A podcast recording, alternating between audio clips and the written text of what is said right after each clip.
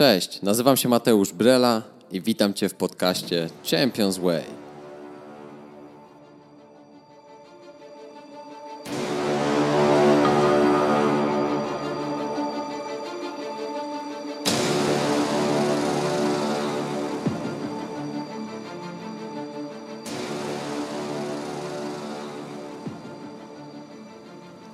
Rozpocznijmy wspólnie mistrzowską drogę.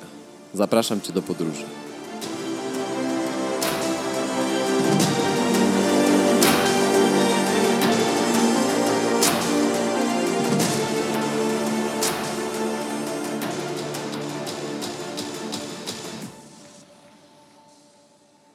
Cześć Paweł.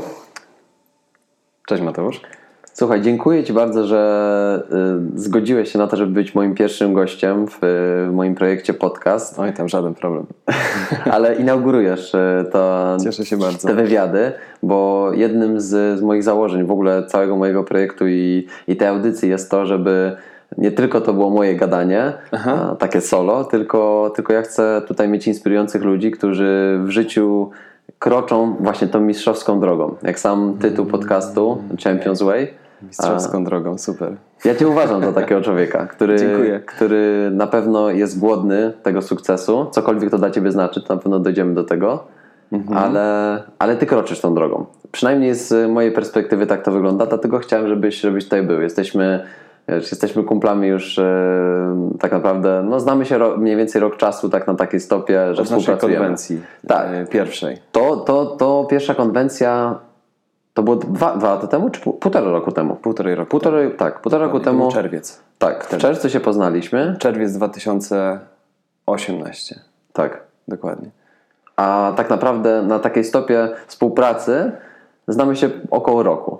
Tak, dokładnie. Dałeś mi, dałeś mi szansę zaprezentowania swojego pomysłu e, w styczniu na drugiej konwencji. Wiesz, bo mi się w ogóle bardzo podoba ta strona mentalna treningu, bo ona yy, tak, możemy w sumie od tego zacząć, dotyczy pewnego problemu świata e, terapii ruchem czy terapii manualnej, bo to jest świat, z którego ja się wywodzę, gdzie wielu absolwentów różnych kursów, programów edukacyjnych jest edukowanych w zakresie metod takich twardych, a mało jest umiejętności miękkich, a pracując z człowiekiem, to bardzo często potrzebujemy tych miękkich umiejętności, odpowiedniego motywowania i podejścia do właśnie budowania nastawienia mentalnego. Mówiąc tak po amerykańsku, tego mindsetu, tak. którego poszukujemy, mindsetu mistrza. Nie? I myślę, że to jest taki punkt, od którego e, w ogóle warto zacząć też tą dyskusję. Nie? Myślę, że ona też się wpisuje w Twój temat Absolutnie.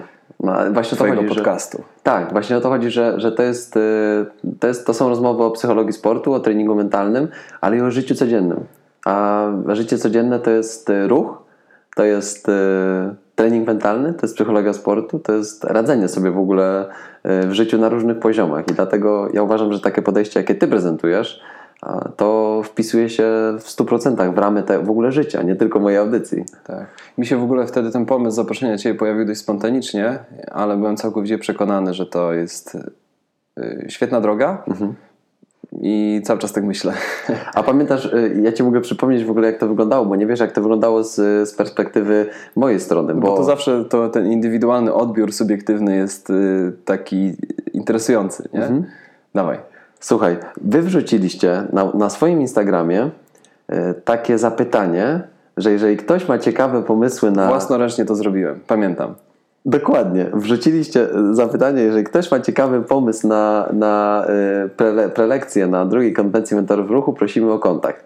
Ja się chyba później z opóźnieniem odezwałem. Tak, Tak, bo ja często tak mam, że pewne myśli pielęgnuję przez jakiś czas, one sobie, wiesz, dojrzewają, no ale później przechodzę do realizacji. Myślę, że mam całkiem dobrą pamięć. Później to już się odbyło y, super sprawnie, bo to już ten drugi e-mail, który od Ciebie dostałem, to już był tak naprawdę, y, to już było zaproszenie na, na drugą prelekcję, na, na drugą y, konwencję. Ale ja w ogóle y, tą, tą Insta Story, którą Wy wrzuciliście wtedy, ja, ja sam jej nie znalazłem. Moja, moja dziewczyna Karina wysłała mi to Insta Story i cytując, co powiedziała, powiedziała, że, że nie będę się do Ciebie odzywać do końca życia, jak nie napiszesz do nich. Czyli trochę, U. no, szantaż był. Ale w takim, psychologiczna. tak, Ale mnie to, ominę, mnie to ominęło wtedy. Ja nie zauważyłem po prostu tej Instastory tego dnia, kiedy, te, kiedy to wrzuciliście. Więc zobacz, jakie to też jest zbieg okoliczności, bo my razem z, z Kariną i jeszcze dwójką innych znajomych przyjechaliśmy na tą pierwszą konwencję, więc Karina też obserwowała bodywork e, przez jakiś czas. E, Więc no fajny w ogóle zbieg okoliczności. I kiedy ja już sam odezwałem się, no to już dalej historia jest, jest powiedziana przez ciebie, e, że ten pomysł kiełkował i Kiełkował sobie i wiesz, ja się cieszę, że robimy te rzeczy, bo warto wskazywać na stronę miękką, o której mówiłem, podejścia takiego psychologicznego, mentalnego, wiesz, sam to nazwij, nie? Ej, bo pracując z człowiekiem, niezależnie od jego, wiesz, poziomu, wiesz, zaawansowania ruchowego powiedzmy, to potrzebne jest takie podejście też po prostu interpersonalne. Pracujemy po prostu, wiesz, z żywym materiałem, to nie jest, wiesz, robot, nie? I yy, oczywiście ja też nie pracuję, ja mam przyjemność i mam ten przywilej pracować z osobami, które są zawodowymi sportowcami, ale widzę, że te metody pasują również do wszystkich, yy, po prostu wszystkich podopiecznych, które prowadzimy u nas w centrum, który, które ja prowadzę, sportowców, amatorów, którzy chcą współpracować na poziomie profesjonalnym.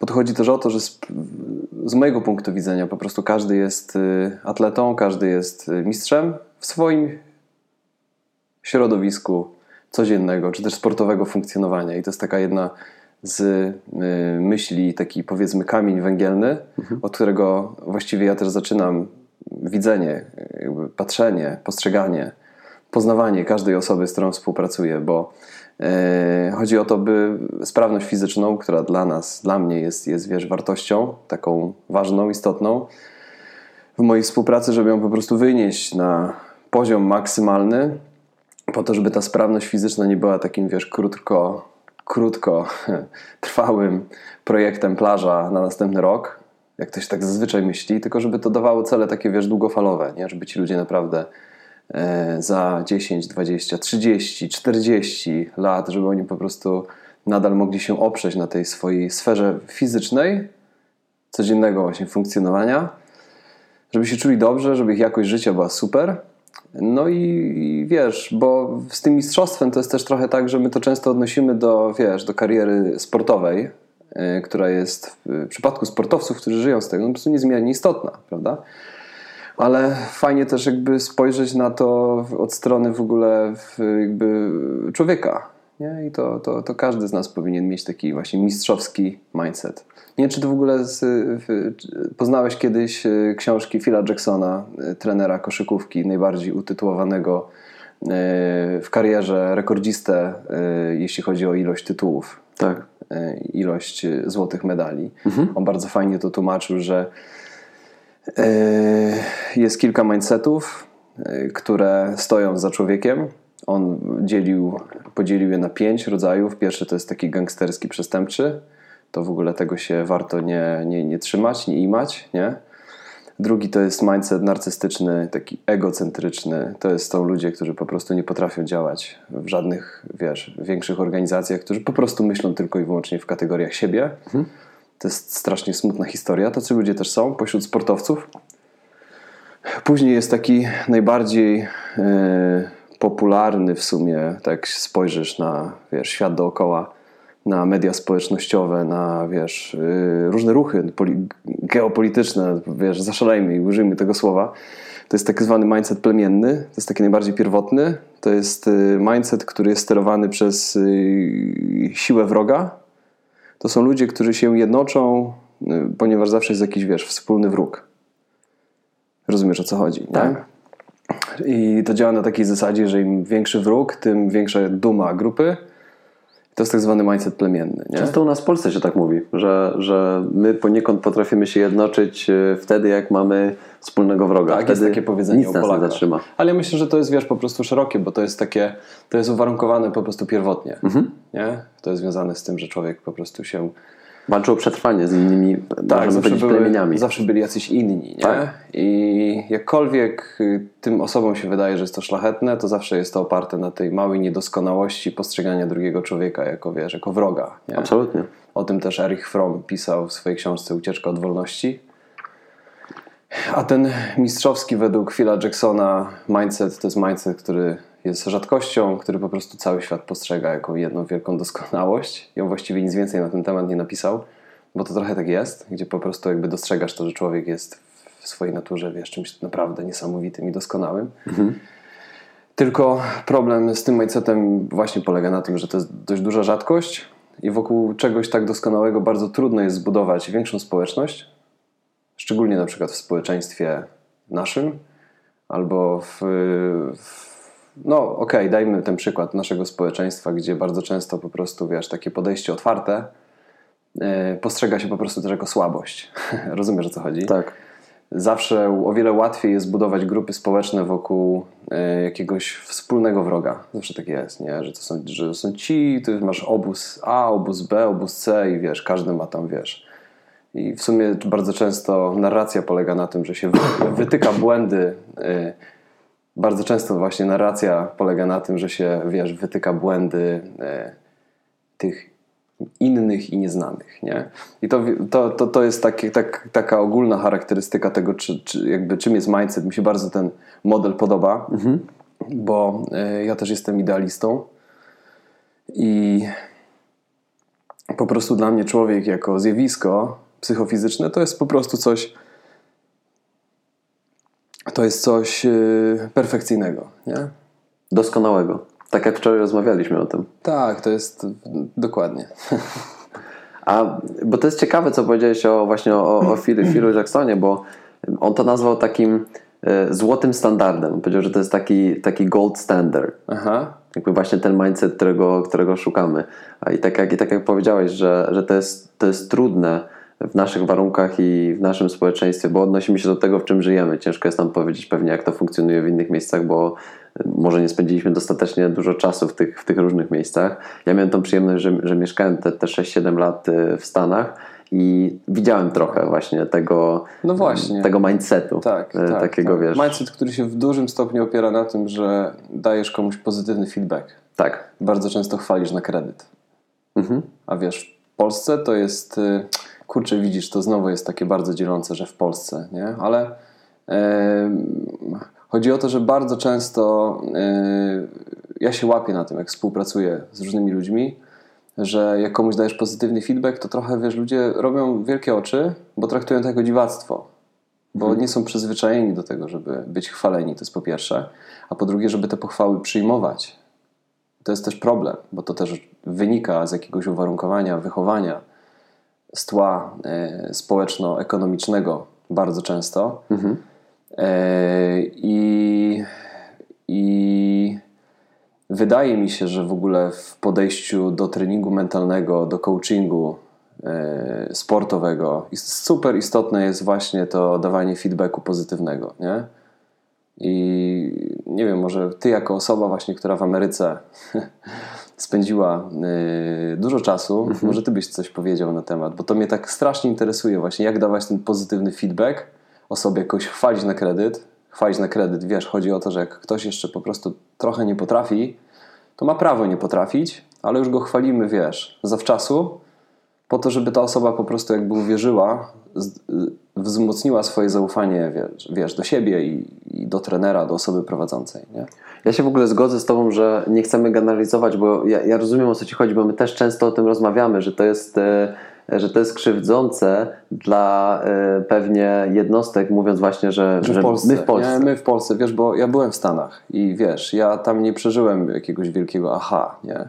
Tak. I dlatego, ale tylko no, ty mówisz ze swojego doświadczenia, więc ja naprawdę cię rozumiem. Mam nadzieję, że, że, że, że słuchacze też wiedzą o co nam chodzi. Myślę, że osoba świadoma tak. zrozumie dokładnie, że tu nie chodzi o y, generalizowanie tego, jakim jesteśmy społeczeństwem, tylko chodzi o to, z czym się zetknęliśmy. Dokładnie. I z kim. Warto też podkreślić to, że my jesteśmy niezmiernie inteligentnym narodem. I mamy tą Oczywiście. przewagę. Mhm. I ja uważam, że naprawdę y, nasza metodologia, nasze podejście i czasami nasz taki krytycyzm do wielu rzeczy i czasami cynizm zdrowy jest y, bardzo mm, potrzebny. Znaczy w ogóle ogromną oznaką inteligencji dla mnie jest umiejętność y, momentami przechodzenia z tych mindsetów na mindsety. E, z tego jednego e, sposobu na drugi, bo jeżeli my potrafimy świadomie przełączyć się na przykład na wspólne funkcjonowanie wobec jednego wroga, a później jesteśmy w stanie wrócić do innego e, standardu, to też pokazuje, że to nie jest tak, że my jesteśmy, wiesz, szarym, trochę- szarym narodem. Ale to są takie trochę podwójne standardy, to ja tak do końca tego nie, wiesz, nie kupuję, bo biorąc pod uwagę, wiesz, historię Polski, to, to ja się cieszę, że w niektórych aspektach byliśmy czarno-biali. Tak. Po prostu, Mhm. nie, wiesz. Ale y, według mnie, według mnie to potwierdza, że my, że my mamy świadomość. My, my wiemy, my nie jesteśmy, e, jak to się mówi, ta, na tym poziomie e, nieświadomej niekompetencji. My nie wiemy, że nie wiemy. My dokładnie wiemy, tylko może czasami to, jak warunkuje nas społeczeństwo, sprawia, że podejmujemy trochę inne decyzje niż, niż być może, tak jak powiedzieliśmy, ten doskonały człowiek intuicyjnie by podjął. To też wkraczamy w temat, o którym dużo, dużo rozmawiamy, e, w kontekście tego, czy człowiek jest z natury dobry. A, ale ja nie chcę wchodzić do, do następnego Może do tematu. tego wróćmy Tak, bo ja bym później, chciał Ci ale odpowiedzieć. no właśnie powiedz mi, jak tego e, polskiego mistrza, niedokonanego być może jeszcze, jak go wspierać informacjami zwrotnymi o takim pozytywnym zabarwieniu, żeby on jeszcze szybciej wzrastał.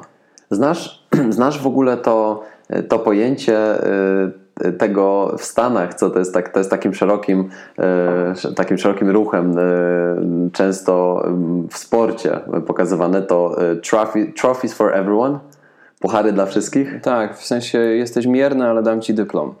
No. Tak, i to, i to jest coś takiego, To że... jest problem, nie?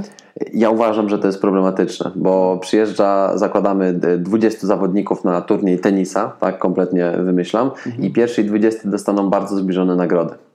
No i teraz y, niektórzy twierdzą, że, że to jest dobre. Na pewno ci, którzy to organizują, jakby uważają, że to jest, to jest dobre, y, dobry sposób, bo też rozmawialiśmy o wieku biologicznym, prawda? Że powiedzmy ten chłopak, y, który jest w tym samym wieku, co, co rów- rówieśnik, który wygrywa turniej, ale obaj są, powiedzmy, dzieli ich 10 miesięcy i jeszcze ten, ten młodszy, biologicznie powiedzmy jeszcze- jest o rok młodszy, no to nagle okazuje się, że, że ta różnica wieku jest skrajna. No i teraz pytanie, czy to, że on zajął to 20 miejsce w tym turnieju, nie zdemotywuje go na tyle, że on po prostu nie będzie chciał już wrócić i spróbować jeszcze raz, bo będzie miał takie, takie piętno tej traumy, że on przegrał, a tam uważają, że jak dostanie ten pucharek, to to będzie oznaka tego, że jednak coś tam, coś tam zrobił, coś tam osiągnął. No i dla mnie to Wiesz, jest no, takie... fajnie docenić czyjś wysiłek i starania, wiesz, na tym etapie, ale wydaje mi się, że istotne jest również y, nagradzanie za efekty, nie? Bo, Skuteczność. Bo wiesz, z tym traumatyzowaniem to też nie możemy, wiesz, robić z osoby, wiesz, miękkiej gąbki, która nie jest w stanie przezwyciężyć y, stresorów, z którymi ma się mierzyć w swoim przyszłym życiu sportowym. No bo patrząc z perspektywy biologicznej na doskonałe zjawisko człowieka, to y, jest taka prawda o przystosowaniu ludzkim, że przyczyną wszelkiego wzrostu jest stres. Nie? I to tak naprawdę nasza zdolność do zarządzania tym stresem będzie decydować to, czy będziemy wzrastać, czy nie. To ma generalnie dwa wyjaśnienia. Pierwsze jest takie, że jak będziemy mieli za dużo stresu, to wtedy doprowadzimy do tak zwanej makrotraumy, urazu, kontuzji albo uszczerbku na zdrowiu psychicznym w wyniku różnych, wiesz, drastycznych y, zdarzeń w naszym życiu. Albo druga sytuacja jest taka, kiedy się całkowicie wycofamy z życia i będziemy przeżywać lęk przed konfrontowaniem się z tym po prostu ciężkim, y, trudnym, chłodnym, niesprawiedliwym światem zewnętrznym, który gdzieś tam po prostu na nas poluje cały czas. I to jest sytuacja y, kolejnie, y, przepraszam, to jest sytuacja y, kolejna, która jest skrajna, kiedy jesteśmy wycofani. Nie? I chodzi o to, żeby nauczyć w życiu się w ogóle, to jest taka uniwersalna prawda, taka rada,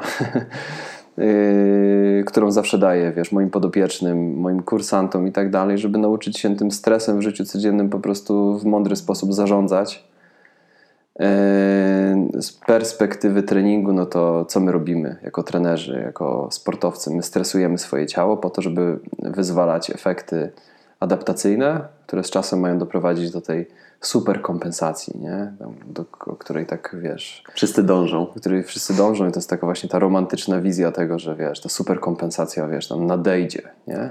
Ale to, jest, ale to jest pięknie powiedziane, bo ja też zawsze o tym mówię, że y, na pytanie, jak walczyć ze stresem, Ja bardzo często może odpowiadam ironicznie, ale odpowiadam nie walczyć, kropka.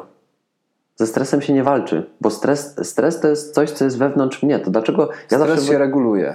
Tak, tylko, Tak? Że, tylko że na, takie, na takim poziomie y, sportowców, którym ja to tłumaczę, oni nie rozumieją, co to jest regulacja stresu. Powiedzmy, ja mówię do, do takich młodszych, więc ja do nich zawsze mówię taką prostą metaforą. Zobacz, stres to jesteś ty, to jest Ale, to, co się no. dzieje w tobie. Dlaczego masz walczyć ze sobą? Czy twoje zasoby energetyczne nie są tak cenne, że ty powinieneś je y, po pierwsze zarządzać nimi, tak jak ty powiedziałeś, zarządzać tak nimi, żeby regulować stres, tak jak ty chcesz, ale jak walczysz ze stresem, To go wzmacniasz. tak, Okay. nadajesz mu jeszcze więcej siły. go. Tak, tak, myślę, że to jest, to jest zrozumiałe. Wiesz, ja ostatnio czytałem taką mm, książkę dotyczącą y, czegoś, co się nazywa Skill Acquisition Perspective, czyli perspektywa nabywania umiejętności ruchowych. To się w dużym stopniu opiera na psychologii poznawczo-behawioralnej, opartej na neuronauce, w ogóle nauki, w jaki sposób człowiek się uczy rzeczy różnych. E, Zagadnienie dość e, bagatelizowane, jeśli chodzi o świat trenerów, chociażby z tego powodu, mm, że istnieje takie, taki koncept, wiesz, obsesji idealnego wzorca ruchowego. Tak. Yy, obsesja czegoś idealnego to jest tobie temat dość znany. Yy, I chodzi o to, że w tego mistrza osoby, które są najbardziej podatne na naukę, poza tym, że muszą mieć ten mistrzowski mindset, o którym sobie powiedzieliśmy, to one też yy, mają takie trzy cechy. Pierwsza to jest grit, czyli wytrwałość. Druga to jest pasja, czyli muszą tak naprawdę to, w czym się rozwijają, niezależnie czy to jest sport, czy to jest muzyka, czy to jest coś innego związanego z pracą motoryczną, ruchową, bo to odnosi się do całego jakby zagadnienia nauczania motorycznego, tego co po angielsku nazywam motor learning, y, to tak naprawdę te osoby, które dochodzą do rozwinięcia swojego pełnego potencjału talentu, to są osoby, które mają pasję w tym, co robią. Ale trzecia rzecz, bardzo ważna, i to jest to, do, to nawiąże do tego, co ty powiedziałeś, to jest samoregulacja. Czyli te osoby muszą dysponować dość dużą świadomością, w ogóle zrozumieniem, inteligencją, błyskotliwością, wiesz, muszą być y, rozwinięte e, również psychologicznie do tego, żeby w ogóle e, potrafić rozwiązywać te wszystkie łamigłówki samemu. Czyli w konfrontacji na przykład z błędami, czy też kompensacjami, to są osoby, które powinny e, dysponować tą iskierką inteligencji do tego, żeby wiedzieć, jak rozwiązać dany problem. Nie? Jakby w procesie nauczania. To jest oczywiście perspektywa ogólna, ona, się, ona nie dotyczy tylko sportu, ale dotyczy nabywania w ogóle wszystkich umiejętności ruchowych. Nie? I też jak spojrzysz na tego doskonałego człowieka, no to wszystko właściwie, co my wyrażamy, począwszy od właśnie codziennej aktywności, przez sztukę, wiesz, przez muzykę, przez y, sport, to są rzeczy z, przez emocje, nie? To są wszystko rzeczy związane z umiejętnościami ruchowymi, nie? Człowiek, cała ekspresja właściwie nasza, y, ona jest z tym związana, nie? I, i, i to jest bardzo ciekawe e, źródło wiedzy, które jakby poszerza nam e, znowu to zrozumienie tego mistrza, kim jest ten mistrz, nie? Czyli on powinien być wytrwały, powinien mieć pasję w tym, co robi i powinien nauczyć się samoregulacji, autoregulacji. Tak, bo ta samoregulacja to jest w ogóle strasznie ciekawe zjawisko, bo, bo to jest, tak jak, tak jak powiedziałeś, to jest nauka tego, że organizm zawsze będzie dążył do dobrostanu fizycznego. Tak. On zawsze będzie. Tak, on zawsze ciało będzie, zawsze dąży do homeostazy. Tak. I A co mu cokolwiek. przeszkadza w tym najbardziej? No, stresory. Stresory i posiadacz tego ciała. Czyli osoba, która za tym, za tym ciałem stoi. Próbuje nieudolnie tym zarządzać. Próbuje nieudolnie zarządzać tym ciałem i się jeszcze dodatkowo stresuje. Stresuje się z tego powodu, że się na przykład stresuje. Nie? Tak, no i, ale i właśnie to jest, to, jest, to jest fajne zjawisko i e, fajnie w ogóle e, te, tą część znowu, e, którą powiedziałeś, jest w ogóle świetnie ubrana w te, te trzy punkty, prawda? Ta wytrwałość, ta pasja i, i ta autoregulacja, bo bez pasji zajdziemy do pewnego, do pewnego punktu. Możemy odnieść sukces. Przykładem jest Andrea Agassi, który swoją, swoją biografię rozpoczyna tym, tym że nienawidzi tenisa. E, I, to, I to wiesz, to, to jest na, na takim poziomie bardzo, bardzo e, emocjonalnym, bo Mam jego biografię na książce, czeka. no, Także y, no, polecam ci, bo... Zaspoilerowałeś mi troszkę, ale to dobrze. Ale tak, pierwsze, pierwsze zdanie książki, to, to wiesz, nawet jakbyś dostał darmową próbkę gdzieś tam, wiesz, na, na Empiku, to, to byś od razu do tego doszedł. To zachęca. A nie będę, nie będę faktycznie może wprowadzał y, więcej. Nie, nie, to więcej. wiesz, to mnie tylko, wiesz, inspiruje, żeby po nią sięgnąć. No kontynu, Tak, tak, kontynuuj, ale sorry. to jest przykład tego, że, że y, w pewnym momencie pasja może się przerodzić po prostu w, w, takie, y, w takie robocze ro, robienie tych czynności i jakby i, i trenowanie faktycznie doprowadzi cię do pewnego punktu, ale świetnie ubrał to y, w słowa. w sensie takie klepanie rutyny. Tak, tak. Ciągłe, ciągłe klepanie. I u niego to się sprawdziło. Ale wiesz, znowu wracając do Jacksona, Mhm. który bardzo się inspirował filozofią Zen w ogóle w swoim podejściu do nauczania zawodników. On kiedyś Tak. podał taki przykład y, mistrza, który mówi do ucznia przed y, oświeceniem, i to możemy sobie to przetłumaczyć na sukces przed zwycięstwem. Mhm. Rąb drewno, dźwigaj wodę. Po oświeceniu, czyli znowu po sukcesie, rąb drewno, dźwigaj wodę sytuacja się generalnie nie zmienia, wiesz o co chodzi? Dlatego ta wytrwałość jest ważna, nie? Bo to bardzo często te powtarzane małe kroki z dnia na dzień, one powodują to, że po prostu ta warstwa po warstwie ten człowiek wzrasta, nie? I to nie jest jakiś, wiesz, rocket science, tylko to są bardzo często proste rzeczy, powtarzane, które doprowadzają nas do tego, że już nam się ta super kompensacja kumuluje do takiego stopnia, że, że wygrywamy, nie?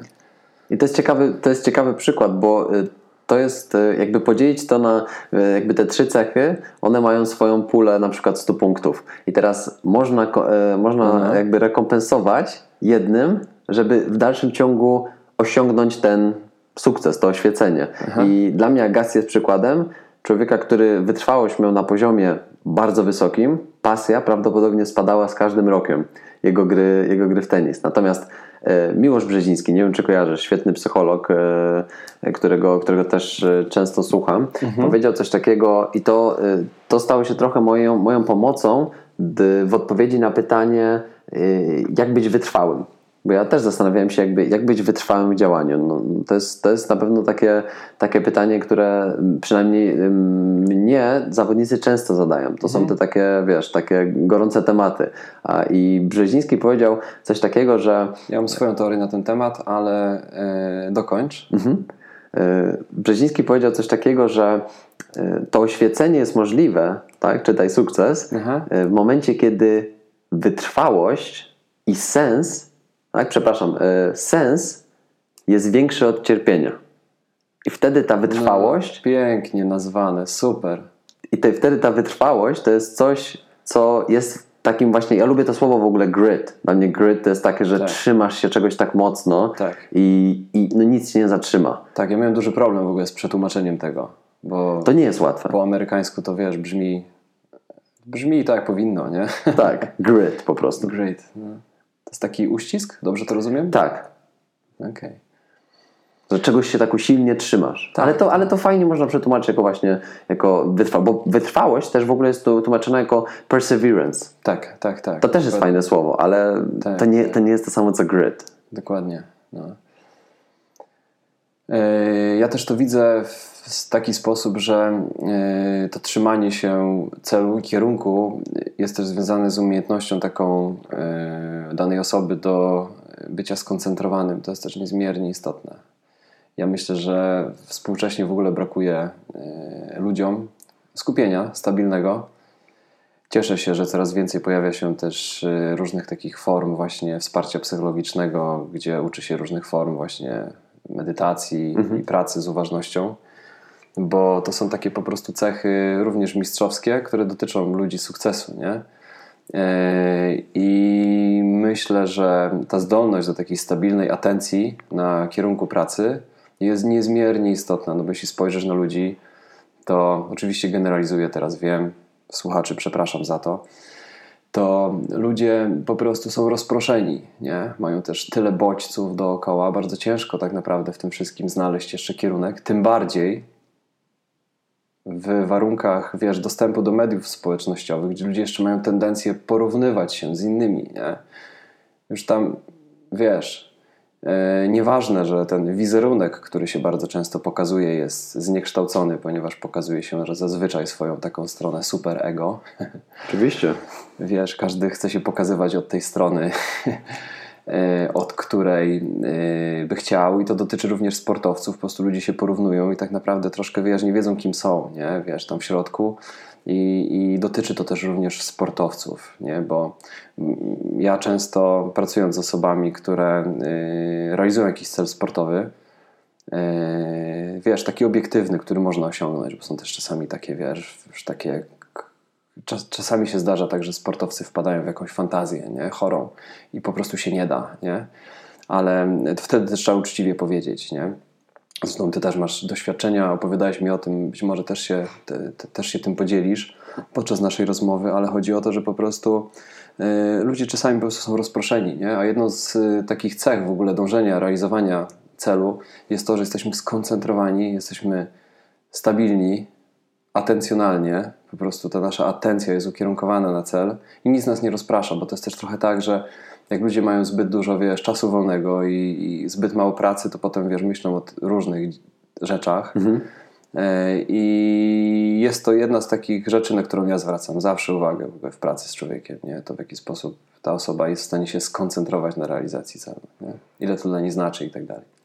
W ogóle e, koncentracja uwagi, to też e, fajnie, że otworzyłeś znowu ten temat współczes współczesnego funkcjonowania, no. E, czy na przykład współczesnych mediów, a koncentracji, bo, bo tak jak powiedziałeś, to, to staje się automatycznym takim na, na automatyczną czynnością, którą, którą wykonujemy e, w ciągu dnia, e, jakby samemu się dekoncentrując. My robimy wszystko, żeby się dekoncentrować. No my jesteśmy jak ta małpa, która skacza z gałęzi na gałąź, nie? I po prostu, wiesz, mija 10 minut, a my już prowadzimy kolejny wątek nie, w naszym toku myślenia.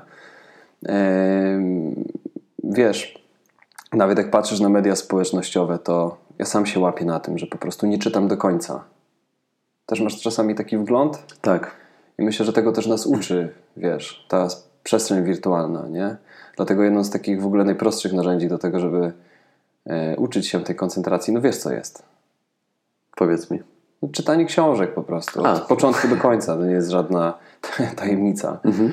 E, no bo książka uczy cię tego, że po prostu zaczynasz i kończysz, nie? E, a... Ja uważam, w ogóle, przepraszam no. ci przerwę, ja uważam, że nie zawsze powinny się kończyć książki. E, no jak jest beznadziejna, to tak. No, ja, po prostu. ja uważam, że to jest też takie przyjęte, że jak czytam książkę, to już skończę, bo, bo no już skończę po prostu, żeby mieć z głowy. Tak, Ale jak tak, zaczniesz, tak. będziesz na 50 stronie i dalej uważasz, że, że to nie jest to, odłóż książkę, zacznij następną, którą mhm. być może skończysz. Ale masz rację, to jest y, w ogóle domykanie. To jest też ciekawa. Y, ciekawa y, domykanie tematów. Tak. tak, to masz na myśli. To jest ciekawa tak, teoria z psychologii poznawczej. Tak, bo jak nie kończysz rzeczy, to później masz taką tendencję mhm. do niekończenia rzeczy. Nie? I w ogóle te niedomknięte sprawy powodują często, że dekoncentrujesz się. Tak, bo to jest taki podświadomy stresor wtedy, nie? I to jest, nie czujesz tego. To, to jest taki, taki, mały, taki mały chroniczny gwóźdź, który wbija się. Ale inaczej, tak, przepraszam, ty sam sobie go wbijasz. Tak. Bo nie kończysz sprawy i w ogóle były badania e, na temat e, właśnie domknięcia spraw u dzieci, wiesz? Mhm. I było tak, że e, dzieci, nie chcę przekręcić tego badania, ale mniej więcej postaram się zobrazować, jak to wyglądało. Były dwie grupy. Dzieci, które zaczynały, zaczynały pracę, która była bardzo fajna. Mhm zakładamy, że chyba to było rysowanie konik, koników czy coś takiego i mieli bardzo fajne zadanie. I potem obie grupy y, zostały nagle y, zdekoncentrowane w taki sposób, że przerwali im po prostu tą czynność. I dwie grupy poszły do innych zadań. I ta mhm. grupa, która dostała bardziej atrakcyjne zadanie, Później miała, było mniejsze prawdopodobieństwo, że ona wróci do tego pierwszego, żeby je domknąć. Grupa druga, która dostała trochę mniej mhm. atrakcyjne zadanie, yy, zapytano ją potem, czy chce skończyć to drugie, czy chce wrócić do tego pierwszego i je domknąć. I zdecydowała, że jednak chce domknąć. Więc często jest tak, że my sami wpadamy w pułapkę tego, że nagle pojawia się może coś bardziej atrakcyjnego. Mhm. I to zmniejsza szanse, że my wrócimy i domkniemy tą pierwszą rzecz, choćby ona była bardzo atrakcyjna. No wiesz, no cały paradoks ale to zostaje tego... jako ten gwóźdź bity tak, cały czas. Tak, ale to polega, wiesz, na tym, że zawsze jest coś bardziej atrakcyjnego, nie? Wiesz, i na tym polega też trochę taki, wiesz, głód pragnień ludzi, nie? Człowiek zawsze chce więcej, jest taką porządliwą bestią. Yy, I myślę, że to też można sprowadzić do, wiesz, do sportowców, bo niektórzy mają straszne parcie, a niektórzy są bardziej rozluźnieni, mają więcej akceptacji, prawdopodobnie więcej świadomości. Nie? Może ty coś powiedz o, o właśnie o takich. Yy, mnie to interesuje, bo sam mam z tym doświadczenia. Nie mam takiego backgroundu, wiesz, psychologicznego jak ty bardzo często się kieruję swoim takim intuicyjnym podejściem. Być może popełniam błędy. E, ja to widzę e, i odnoszę to do świadomości ludzi, że są po prostu osoby, które mają e, parcie, mają ciśnienie, mają brak akceptacji, są niecierpliwe i to są bardzo często fantaści. Wiesz, tacy, tacy yy, futuryści, nie? ale tacy odklejeni którzy po prostu nie mają, wiesz, jakby warunków na zrealizowanie tego, bo mhm. tam w środku coś nie funguje. A są też osoby, które po prostu mają większe, większy ogląd sytuacji dookoła, widzą swoje, potrafią znać swoje mocne i słabe strony, mają więcej akceptacji w odniesieniu na przykład do swoich różnych deficytów, dajmy na to siłowych albo jakichś sprawnościowych innych i tym osobom po prostu y, udaje się bardzo często zajść dalej. Nie? I, i powiedz mi o tym, jak, to, jak ty to widzisz. W ogóle ja uważam, że sportowiec jest, y, jest tworem niecierpliwym. Każdy sportowiec ma w sobie, ma sobie dużą dozę niecierpliwości i, i tego uczą takie małe sukcesy. Wygrany mecz powoduje, że, że ty tej, wiesz, tej, tej dopaminy chcesz więcej bo to powoduje, że, że wiesz, że ten układ nagrody naprawdę mocno działa i ty już myślisz, myślisz o tym. Teraz to jest, e, ja ci podam to na przykładzie e, tego, jak na przykład u mnie funkcjonował okres przygotowawczy pod kątem tego, co zawsze nam trenerzy powtarzali. Jeszcze grałem w Stanach, e, tam grałem 4 lata w, w jednym klubie, w którym okresy przygotowawcze wyglądały dosyć podobnie, ale zawsze mhm. mówiliśmy o tym samym, że zaczynało się od tego, że wiecie, że, że my dzisiaj wygrywamy mistrzostwo. Dzisiaj zaczyna się nasze wygrywanie y, tytułu, który, który tak naprawdę powiedzmy będzie rozgrywany, finałowe te, te, te mecze będą rozgrywane na przełomie listopada i grudnia. W Stanach ten system wygląda inaczej. Aha. To jest taki, taki sezon mm, jednorundowy, tak jakby jesień i tam już się y, całe mistrzostwo rozgrywa. Potem na wiosnę zaczyna się nowy, y, no, nowy, nowy turniej, nowa gra. Tak? Więc jakby my startowaliśmy pod koniec lipca i teoretycznie do tytułu, do mistrzostwa było jeszcze bardzo daleko, ale zawsze zaczynało się od tego, że dzisiaj zaczyna się walka o mistrzostwo. Czyli to, co zrobisz dzisiaj, zadecyduje o tym, tak. czy ty będziesz mistrzem, czy nie.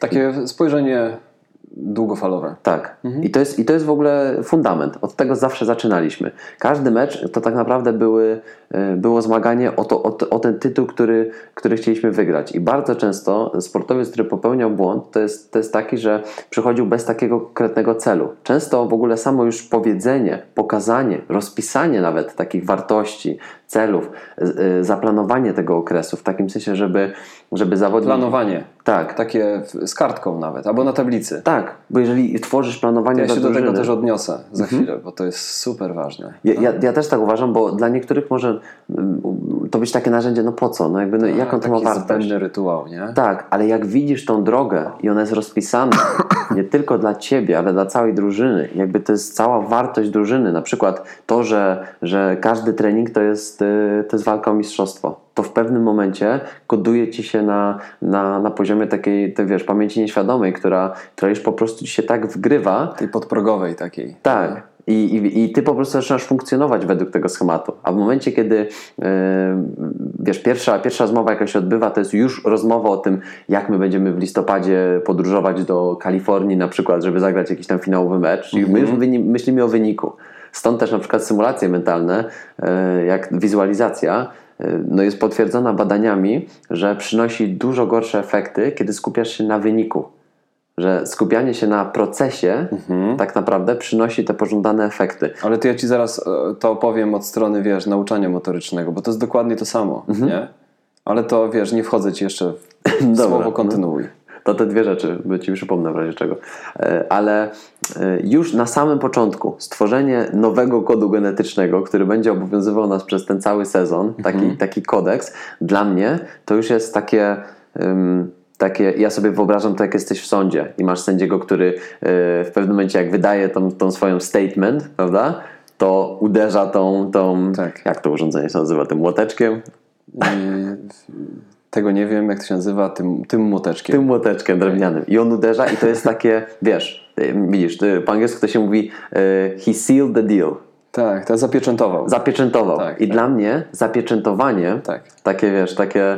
y, To ma, to ma znaczenie rytualne Bardzo, bardzo często. Bardzo. Tak. Więc dlatego na przykład też moim, moim celem jest, e, jest praca długofalowa z klubami, czy z klubem, w którym dołączę do sztabu szkoleniowego. Bo ja chciałbym jakby też e, wziąć to wszystko, o czym teraz mówię i zastosować to w praktyce e, z drużyną, z którą na przykład będę cały rok. I będę mógł z nimi zapieczętować coś, co pokaże też im i rozłoży tą całą drogę, bo czasami wydaje mi się, że tej świadomości nie ma, dlatego że, że ja, już chcę, ja już chcę ten finał, ja już chcę to mistrzostwo. Tylko najciekawsze jest to, że jak ty dochodzisz do meczu finałowego, to zgadnij, czego najbardziej żałujesz, albo czego ci brakuje.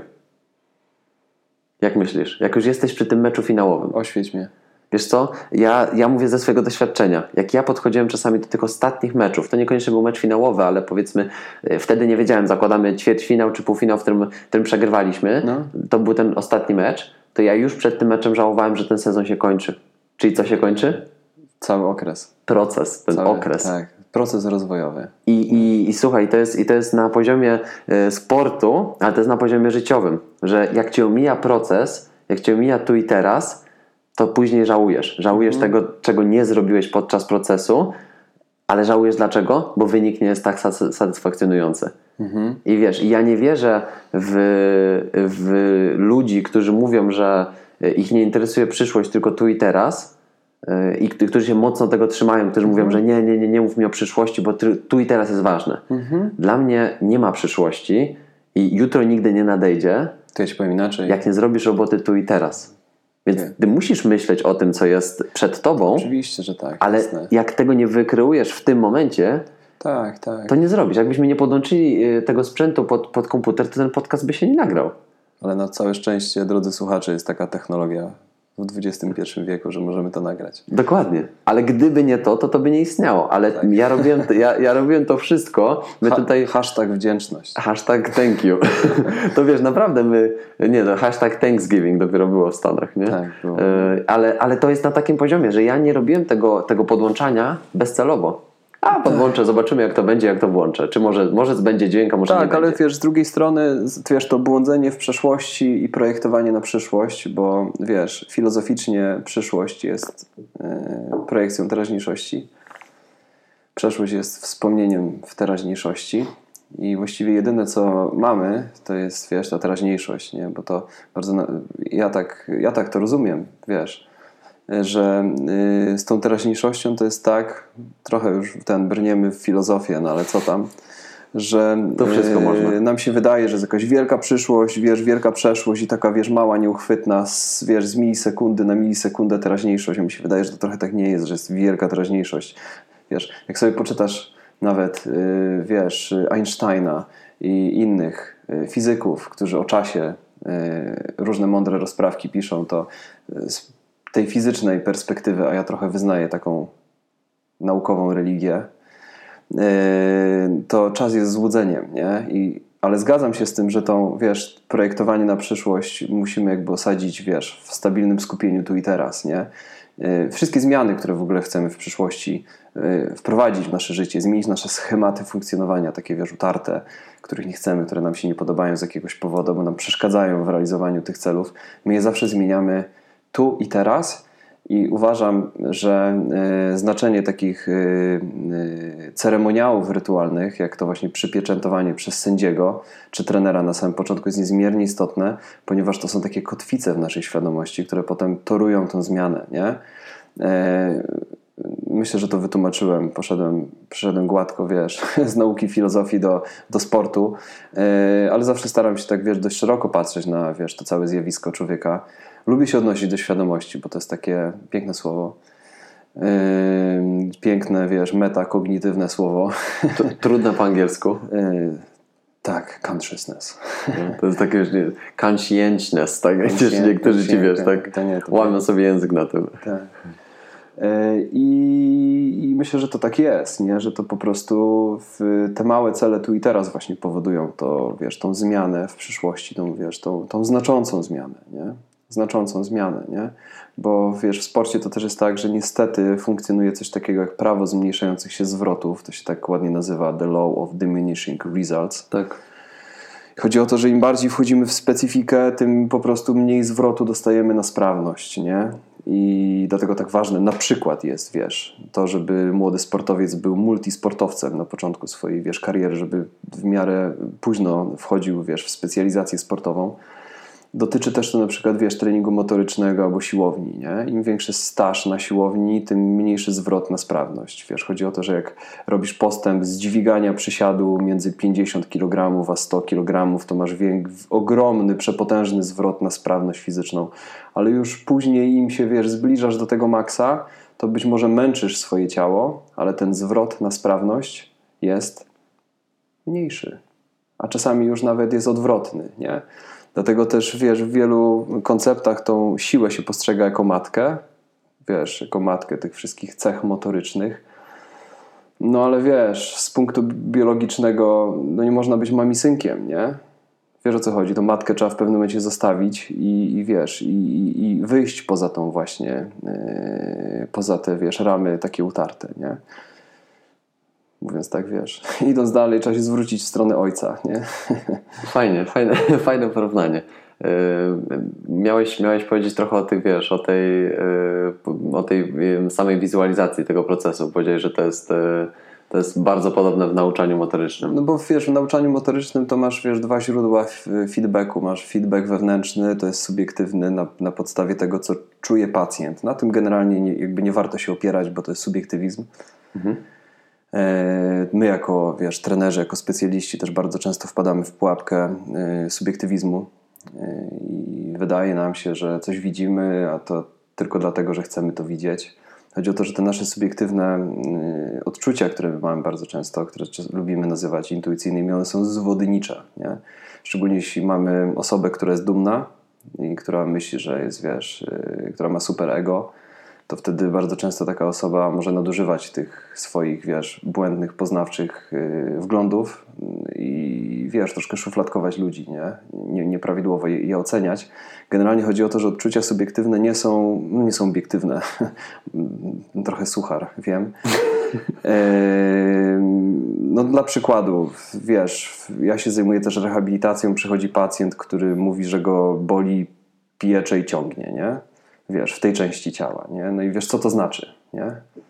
E, No to generalnie niewiele znaczy, że go To jest boli. subiektywne odczucie. To jest tak, chodzi o to, że to wiesz, to, że go pali, ciągnie i piecze, znaczy generalnie niewiele, bo każdy pod tym słowem myśli o czymś zupełnie innym. To jest pierwsza rzecz. A poza tym w fi- fizjoterapii bardzo często odnosi się do, odnosimy się do mięśni, które są albo skrócone i, i napięte, albo do mięśni, które są wydłużone i osłabione. I generalnie zarówno te skrócone, jak i te wydłużone y, dają takie same objawy subiektywne u pacjenta, czyli boli, ciągnie, pali i piecze. Nie?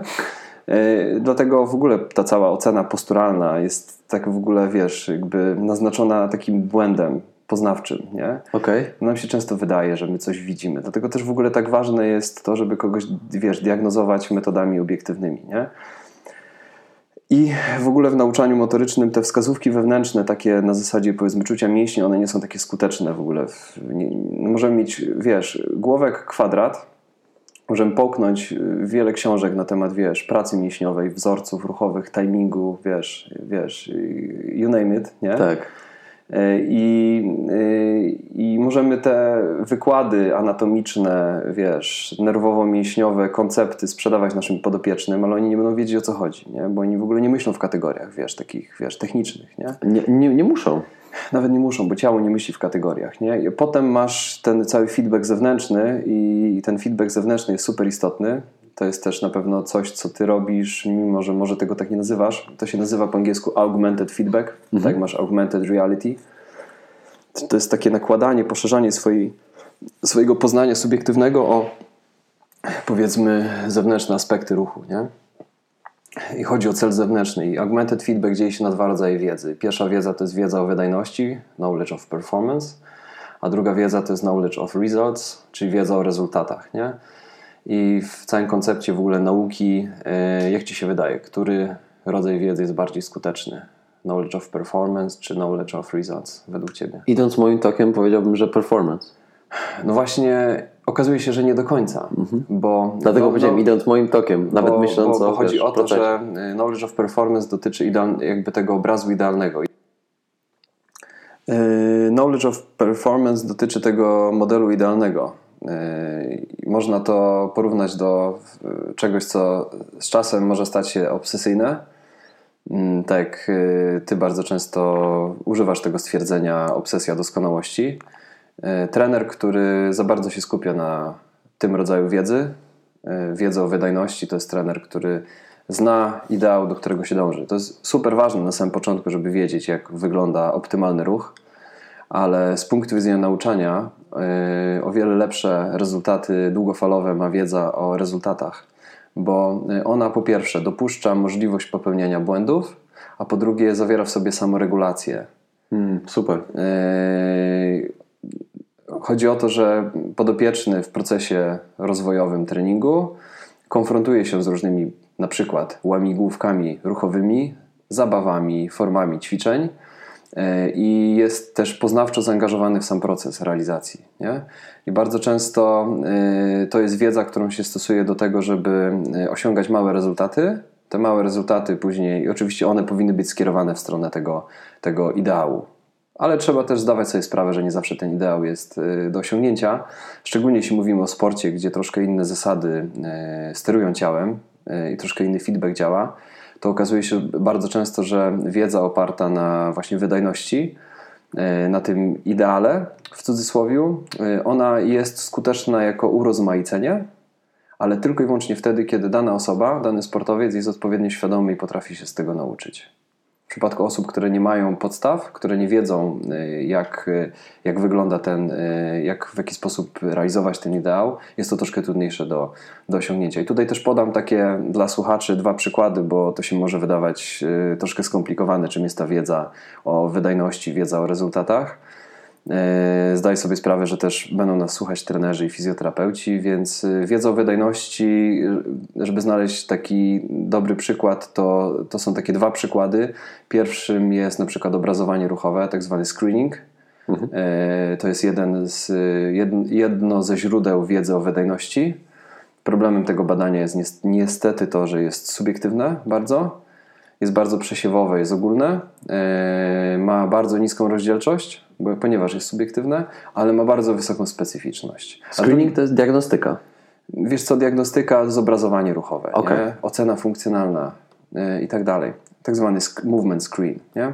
Tak. W świecie sportu funkcjonuje kilka takich systemów. Y, Oceny funkcjonalnej, functional movement screen jest chyba ten amerykański najbardziej popularny. Nie? I on ma swoje korzyści, ma swoje minusy, ma swoje plusy. Y, Jest, y, jest jednym z takich narzędzi w ogóle, od których warto y, zacząć w ogóle taką swoją przygodę z tym światem takiego ruchu funkcjonalnego. A drugim rodzajem wiedzy o wydajności jest na przykład wideoanaliza ruchu, nie? na przykład wideoanaliza biegu. Nie? I tutaj jest sytuacja odwrotna. Jest bardzo wysoka rozdzielczość, bo można sobie to wszystko wiesz, w dobrej jakości spowolnić, ale nie zawsze jest, y, nie zawsze jest to takie super specyficzne. Nie? W ogóle to obrazowanie wysokiej rozdzielczości to nie do, dotyczy tylko wideoanalizy ruchu, ale też dotyczy y, na przykład wszystkich metod obrazowania, takich jak MRI, wiesz, RTG i tak dalej, Tom, tomografia komputerowa.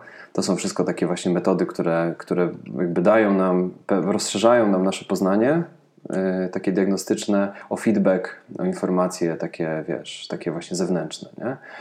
Y, I no mniej więcej tak, tak to wygląda, nie? Nauczyłeś mnie w ogóle bardzo ważnej rzeczy, pytając mnie właśnie, e, cofając się tam dwa wątki e, wcześniej, pytając mnie o właśnie o performance i o results, A, bo e, myśląc o, o tym, o czym mówiłem wcześniej, czyli ta wizualizacja na procesie, a nie na wyniku, e, no zamknąłem się trochę w tej właśnie w swojej bańce mydlanej. Jak to mówiłeś, to tak jakby otworzyła mi się głowa, ta bańka pękła i przypomniało mi się to, co e, powiedział kiedyś Jacek Walkiewicz e, podczas swojego, swojej prelekcji na TEDzie e, zatytułowanej Pełna moc możliwości. Ja często do niej wracam, bo uważam, że to, co powiedział, idealnie wpisuje się w ramy. Piękna historia. Widziałem kilka razy tą mowę motywacyjną. Yy, Bardzo szanuję tego, tego, tego pana. Tak, Jacek jest, jest psychologiem i w ogóle ja bym go chciał go bardzo poznać. E, Być może jeżeli, jeżeli znajdzie czas, to chciałbym, żeby, żeby usiadł ze mną i porozmawiał w, w audycji, bo, bo dla mnie to, co powiedział, i właśnie równa się temu, co ty powiedziałeś, że te results, czyli te wyniki, e, wskazują prawdę, jaką się posługujemy w tym momencie. Czyli e, patrząc na, wzor- na wzorze, wzorzec ruchowy, e, to popełniając błędy, ty wiesz, co naprawić. Jacek powiedział, że to prawda jest jest- miarą skuteczności. Mhm, dokładnie. Czyli ta prawda pokazuje, czy my jesteśmy skuteczni. Jeżeli, jeżeli, nasza, jeżeli nie jesteśmy skuteczni, to nasza prawda nie jest y, w tym momencie. y, y, nie pamiętam tego słowa, jakiego on użył, ale nasza prawda w tym momencie nie jest zgodna z tym, jak to powinno wyglądać, na przykład. Tak Z bardzo. stanem aktualnym. Tak, ze stanem aktualnym. Tak to znaczy, że nie mamy, że nasza prawda jest już przedawniona, że musimy, musimy coś z nią zrobić, żeby i poprawić. Dlatego skuteczność jest miarą prawdy. Ja w to strasznie wierzę. I widzisz, przez chwilę się zamknąłem na, te, na, tej, na tej wizualizacji, o której przed chwilą mówiłem, ale faktycznie no, fajnie, że się starasz. Ba- bardzo się cieszę, że wkładasz te cegiełki yy, wiesz, do każdego etapu, ale jeżeli na końcu nie ma mistrzostwa, tutaj robię taki cudzysłów, prawda? Tak. No. no to twoja prawda jest nieaktualna. Nieaktualna to jest to słowo. Prawda, którą się posługujesz, nie jest aktualna. Tak, tak, tak. No bo to się znowu sprowadza do tej, wiesz, filozofii czasu tu i teraz, nie? Dokładnie. Który jest procesem, nie? Tak jak mówił, wiesz, jak mówił Pantarej, wszystko płynie, nie? Tak. A i teraz płynnie przechodząc w ogóle yy, z, z To tej... był taki suchy żart, nie? Nie wiem, czy to słuchacze to wyłapali. Ja się śmiałem. Słuchaj, yy, zostając przy świadomości, zostając przy tu i teraz, No, no. Yy, co cię, co cię dzisiaj najbardziej cieszy w życiu? Eee... Hmm. Wiesz co, mnie cieszą drobne rzeczy. Eee, wiesz, takie... mm, Ja się chyba nauczyłem, wiesz, też tak nie projektować za bardzo w przyszłość. Ja w ogóle... W... Mnie cieszy to cała droga, wiesz, po drodze, nie? Cała droga po drodze. Eee, Jakby ten cały proces po drodze, nie? Eee, Dla mnie jest dużym takim, wiesz, źródłem spełnienia, satysfakcji, wiesz, wdzięczności, radości. Ja się tym trochę cieszę jak dziecko, nie? E, oczywiście mam jakieś plany, wiesz, długofalowe i, i każdy powinien mieć, nie? Ale staram się też na maksa, wiesz, cieszyć z tego, co się dzieje przed moim nosem, nie? Drobne rzeczy, nie? Choćby to. No to, to teraz my robimy. Dokładnie. To jest, y, y, mówiliśmy o ważności, mówiliśmy o koncentracji, mówiliśmy o byciu tu i teraz. Ja w ogóle y, uważam, i to, to mi przeszło przez myśl i chciałem o tym powiedzieć już na samym, samym końcu, ale, no, ale teraz jest idealny moment, żeby, żeby o tym powiedzieć, że No bo wiesz, co mnie cieszy? Wiesz, chodzi też o to, że y, no nie ma innej rzeczywistości niż to, co się dzieje teraz, nie? tak, Po prostu. I to, że my możemy tutaj teraz przez, y, przez, przez ten, no, wiesz, godzinę, może trochę więcej, y, nie licząc, nie licząc czasu. Ten czas sobie mija tutaj na ekranie, ale to nie ma żadnego znaczenia. My, my jesteśmy obecni tu i teraz i y, tak naprawdę y, to też jest pytanie do Ciebie i pewnie pytanie takie, takie bardziej ym, indywidualne do, do słuchaczy. Jak często Ty jesteś w stanie z, kim, z kimś usiąść na nieokreślony czas, bliżej może wskazany, ale nieokreślony czas i po prostu być obecnym tak, jak my tutaj jesteśmy w tym momencie. Teraz y, damy taką pauzę, by nasi słuchacze mogli się y, mogli skontemplować to pytanie. Ok? Dobra, i wracamy do dyskusji. Y, Wiesz, mi się wydaje w ogóle, Mateusz, że trochę wiesz, takim problemem jest y, nawiązywanie relacji w świecie współczesnym. Ja tak sobie myślę, że to jest problem y, naszych czasów. Nie chcę tutaj, wiesz, yy, stagmatyzować, wiesz, social media i tak dalej, chociaż na pewno w pewnym sensie też za to ponoszą winę. Yy, Myślę, że takie, wiesz, szczere rozmowy to jest coraz większa rzadkość.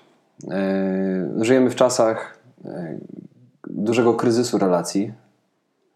E, bardzo często ludzie mylą relacje z transakcjami. To dotyczy również, wiesz, partnerstwa, przyjaźni i tak dalej.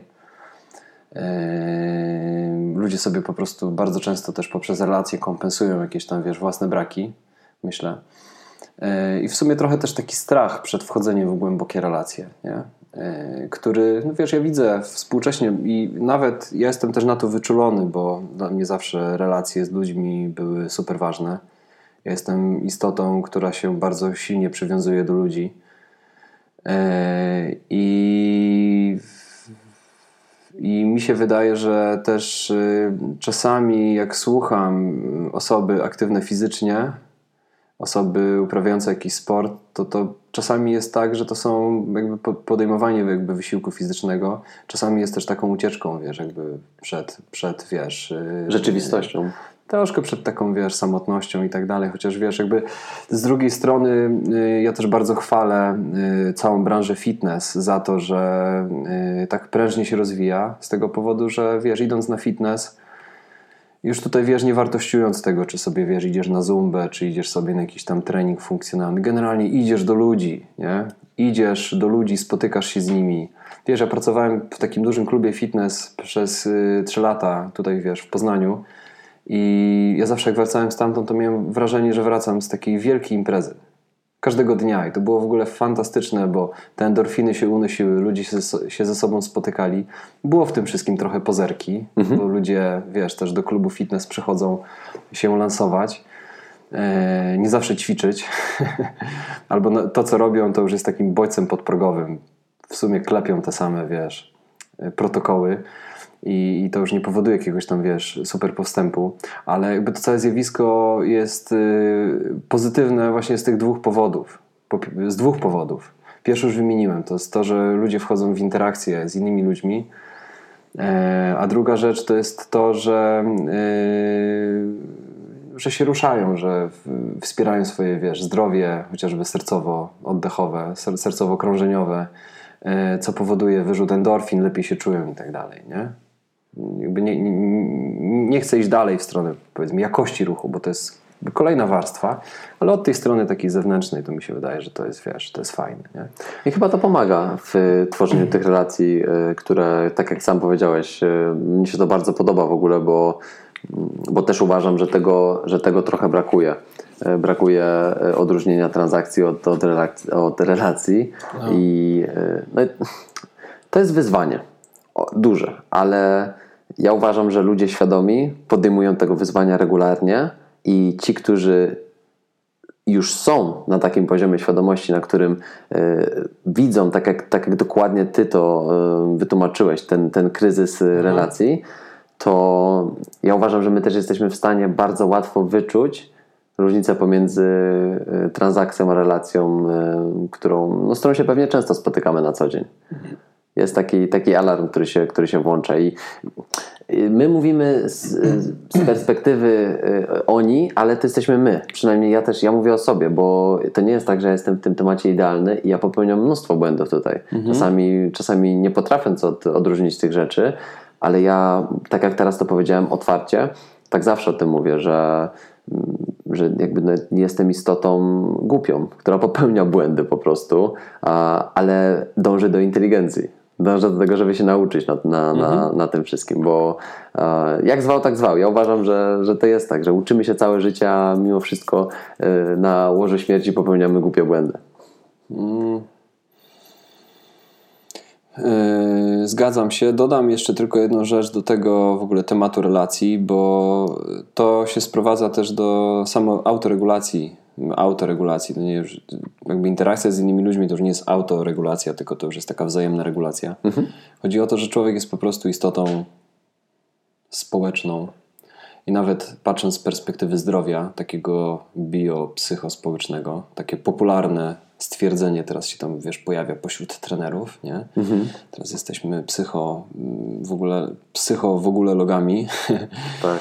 E, nie tylko fizjoterapeutami, ale chodzi o to takie, wiesz, po prostu e, taki bardzo ogólny wgląd w to, że człowiek jako istota jest po prostu e, jak, jak zwierzak futerkowy, nie? Znasz historię o chomikach? Nie znam. Historia o chomikach jest następująca. Chomik domowy wymaga codziennego głaskania. Jak go przestaniesz głaskać, to on po dwóch tygodniach zdycha. I to jest fakt. Wiesz co, to jest chyba trochę taki urban legend. Nie chcę tutaj, wiesz, mówić na... e, Ja to kiedyś słyszałem jeszcze, pamiętam, e, ktoś mi to powiedział w szkole podstawowej. Ja to zapamiętałem na całe życie. Ale nigdy nie... nie... Muszę to zweryfikować. No, ale weźmy ten przykład po prostu. Nie? Dobrze. E, I z człowiekiem też tak jest, że ludzie samotni po prostu żyją krócej. Niezależnie od tego, co robią. Ludzie, którzy są w relacjach, którzy są w stanie budować długie e, i głębokie relacje, no bo to jest jeden, myślę, z sensów naszego życia, to, żebyśmy mieli relacje e, głębokie, to, ponieważ one też pozwalają nam wychodzić poprzez nasze pudełko wewnętrznych uwarunkowań. E, One nas bardzo popychają do rozwoju.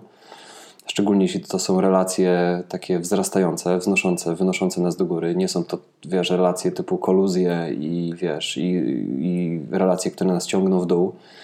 E, To, e, to po prostu jest zawsze dla nas takim wielkim błogosławieństwem, jeśli mamy tego typu, wiesz, bliskich ludzi, ponieważ e, dzięki temu jesteśmy w stanie regulować e, w swoim życiu wiele, przepracowywać e, wiele problemów. Mamy też z tego bardzo takie osobiste korzyści, nie?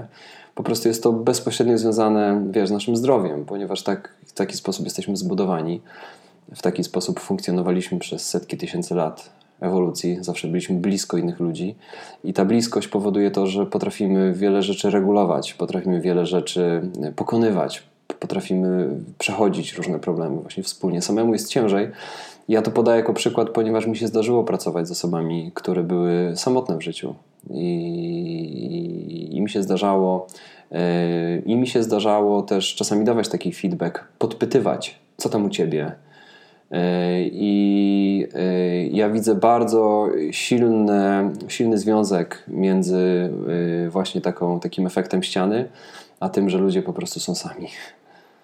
Ale w ogóle ja wiedziałem, że ty, że ty wspomnisz o tym, y, dlatego też nie, nie chciałem ci wcześniej y, przerywać, nie chciałem cię w żadnym y, wypadku na, naprowadzać, ale powiedziałeś o koluzjach i wcześniej, wcześniej też mówiliśmy trochę o... Koluzja to też nie ma dobrego odpowiednika w języku polskim. Koluzja to jest zmowa. To się tak tłumaczy. Zmowa. To jest zmowa między dwójką ludzi albo większą grupą społeczną, która ma na celu jakiś duży regres rozwojowy. Nie? To są ludzie, którzy wzmacniają swoje negatywne cechy nawzajem nie? w wyniku jakiejś kompensacji. Nie? Znaczy w ogóle właśnie y, koluzję i teraz y, dodając do tego, bo idealnie to, to powiedziałeś takim, takim pewnie trochę naukowym językiem, No. ja to podam na przykładzie. Każdy, każdy z nas, kobieta, mężczyzna, człowiek, wychodzi z, ze swojego dzieciństwa z deficytami.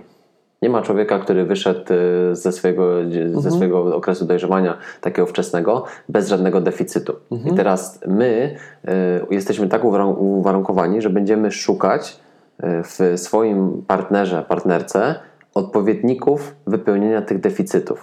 Tak, jak miałeś mało miłości w życiu, to żądasz miłości bezwarunkowej. Jak miałeś mało miłości, przepraszam, w dzieciństwie, to żądasz y, miłości bezwarunkowej od swoich przyszłych partnerów. Nie? I to samo się dzieje po drugiej stronie, bo ty szukając, często też jesteś skanowany pod kątem e, właśnie k- tych deficytów, które ty możesz wypełnić jako, jako mężczyzna. Tak, I tak. teraz na koluzja, zasadzie takich puzli. Nie? tak. I koluzja dzieje się wtedy, jak obie te osoby, partner, partnerka, nie potrafią wyjść ze swoich ról. Czyli Tak. jeżeli ja szukam wypełnienia deficytów Tak, i, ktoś i jest w roli osoba, dziecka, ktoś jest w roli rodzica na Tak, przykład. i koluzja jest w takim momencie, kiedy nie ma umiejętności wyjścia ze swoich ról i stworzenia czegoś pośredniego, czegoś takiego wspólnego. Więc Mhm. to jest ciekawe, bo każdy z nas przez to przechodzi, każdy z nas przez to musi przejść na poziomie bardziej świadomym bądź, bądź mniej. No wiesz, y, nie można być y, mamin synkiem do końca życia, nie? Zgadza się. Y, Trzeba dorosnąć. Po prostu. Tak samo jak wiesz, małe lwiaki muszą opuścić mamę. Tak samo człowiek też w pewnym momencie musi przestać traktować siebie jak dziecko. Tylko czasami to nie jest związane tylko z takim dzieciństwem, że jestem dzieckiem, tylko czasami to jest związane z, z wczesno do, wiesz, do, doświadczonymi traumami. Tak. Które, tak, wiesz, to już mówimy o powiedzmy jakichś bardziej e, patologiach. Tak, o takich A, głębszych sprawach. Tak, nie? a y, tak naprawdę nie szukaj daleko. Jakby wielu, wielu z nas ma mm, ciężkie, tak, ciężkie tak. jakieś tam wspomnienia z, z dzieciństwa, które powodują te deficyty. I czasami Dlatego też taka w ogóle rada do trenerów, którzy czasami y, być może zmagają się z takimi osobami, które są dość y, trudne w takim obcowaniu, które być mo- może projektują różne fantazje na trenerów, bo też się to zdarza. Nie, nie wiem, czy słyszałeś w ogóle o przenoszeniu erotycznym na przykład. nie. Przenosz to jest taki ciekawy temat. On generalnie jest pozytywny z pewnej perspektywy, bo to się wywodzi z psychologii psychodynamicznej. E, Przenoszenie erotyczne związane jest z tym, że w, w relacji, bu- budowanie relacji z autorytetem, przykład z, z terapeutą albo z trenerem, związane jest z tym, że projektujemy nasze niezaspokojone potrzeby e, seksualne na przykład. Jesteśmy dorośli, już mamy płeć, możemy jej używać. Tak to generalnie się tłumaczy. E, na właśnie autorytet zewnętrzny. Nie? I tutaj w, to ma związek z różnego rodzaju fantazjowaniem, a do tego w ogóle zwróć uwagę na to, że wiesz, warunki gabinetu albo warunki siłowni są przyjazne. Leci muzyka, e, są leginsy, jest pot, przyspieszony oddech, wiesz, i tak dalej, i tak dalej, wiesz, można to wymieniać, nie?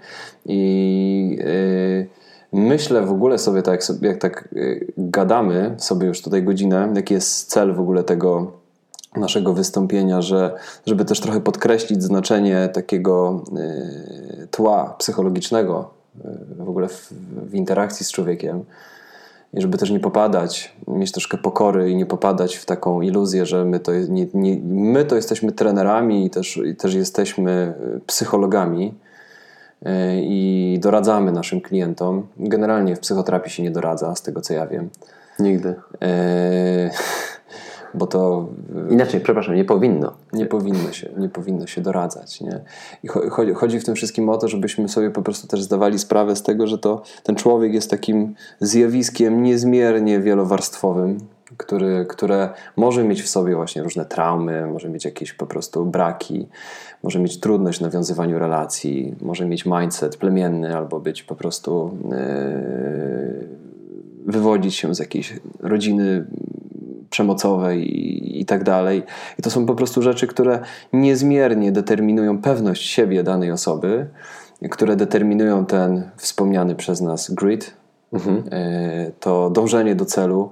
I to są po, po prostu małe rzeczy, może inaczej, są głębokie, super istotne rzeczy, które tworzą całość, bo człowiek jest zjawiskiem holistycznym. Tak się mówi, nie? Teraz generalnie wszyscy są holistyczni, są holistyczne treningi, tylko trzeba też się zastanowić, czym jest w ogóle holizm, nie? Yy, Bo ja osobiście uważam, żeby móc siebie nazywać, wiesz, kimś, kto jest holistycznym, to trzeba mieć naprawdę taką, wiesz, bazową wiedzę na temat yy, świata, życia, człowieka i tak dalej. Yy, Bo holizm wywodzi się z angielskiego whole, nie? Całość. I, I pewnie z łaciny. Yy, I chodzi w tym wszystkim o to, że całość jest ważniejsza niż suma poszczególnych części. Oczywiście. To człowiek nie jest robotem, bo w robocie to jest tak, że suma poszczególnych części tworzy całość. Wystarczy, wiesz, wymienić ramię albo, wiesz, jakiś tam procesor i wszystko wróci do normy. A z człowiekiem tak nie jest, wiesz, jak go pokroisz, to już mu zdrowie e, siada, zawsze się w jakimś tam stopniu obniża. Bo ta cała integralność ciała jest po prostu, wiesz, super ważna, bo jesteśmy takim właśnie zjawiskiem, nie? E, Poza tym ja też na to zagadnienie holizmu też mam takie trochę swoje słone podejście, bo e, oczywiście mm, mam duże uznanie do różnych e, systemów holistycznych, począwszy od ziołolecznictwa, skończywszy na jakichś ajurwedach i tak dalej. To jest ciekawa historia, że te systemy powstały. Ale należy sobie zdawać sprawę, że to, że my żyjemy w ogóle w świecie, w którym funkcjonuje konwencjonalna medycyna, to to jest, wiesz, błogosławieństwo naszych czasów. No bo wyobraź sobie, że, wiesz, miałeś wypadek i ci, wiesz, noga krwawi, nie? No to nie wiesz, jak ma, masz krwawienie z nogi, to nie pójdziesz zapisać się na masaż balijski, nie? tylko pojedziesz na pogotowie ratunkowe. Nie? Rozumiesz o co chodzi? Yy, I, I wtedy wiesz, po prostu yy, yy, warto sobie po prostu też z tego zdawać sprawę, drodzy trenerzy, czy też drodzy fizjoterapeuci, że żyjemy naprawdę w takich czasach, że mamy po prostu tylu wspaniałych specjalistów wychowanych w naszym zachodnim modelu, którzy mają naprawdę wystarczające narzędzia do tego, żeby nazywać siebie holistycznymi. Yy, I yy, ja jestem w ogóle super zwolennikiem podejścia integr- integralnego czyli nie popadania w ekstrema jednej metody, tylko współpracowania z różnymi specjalistami.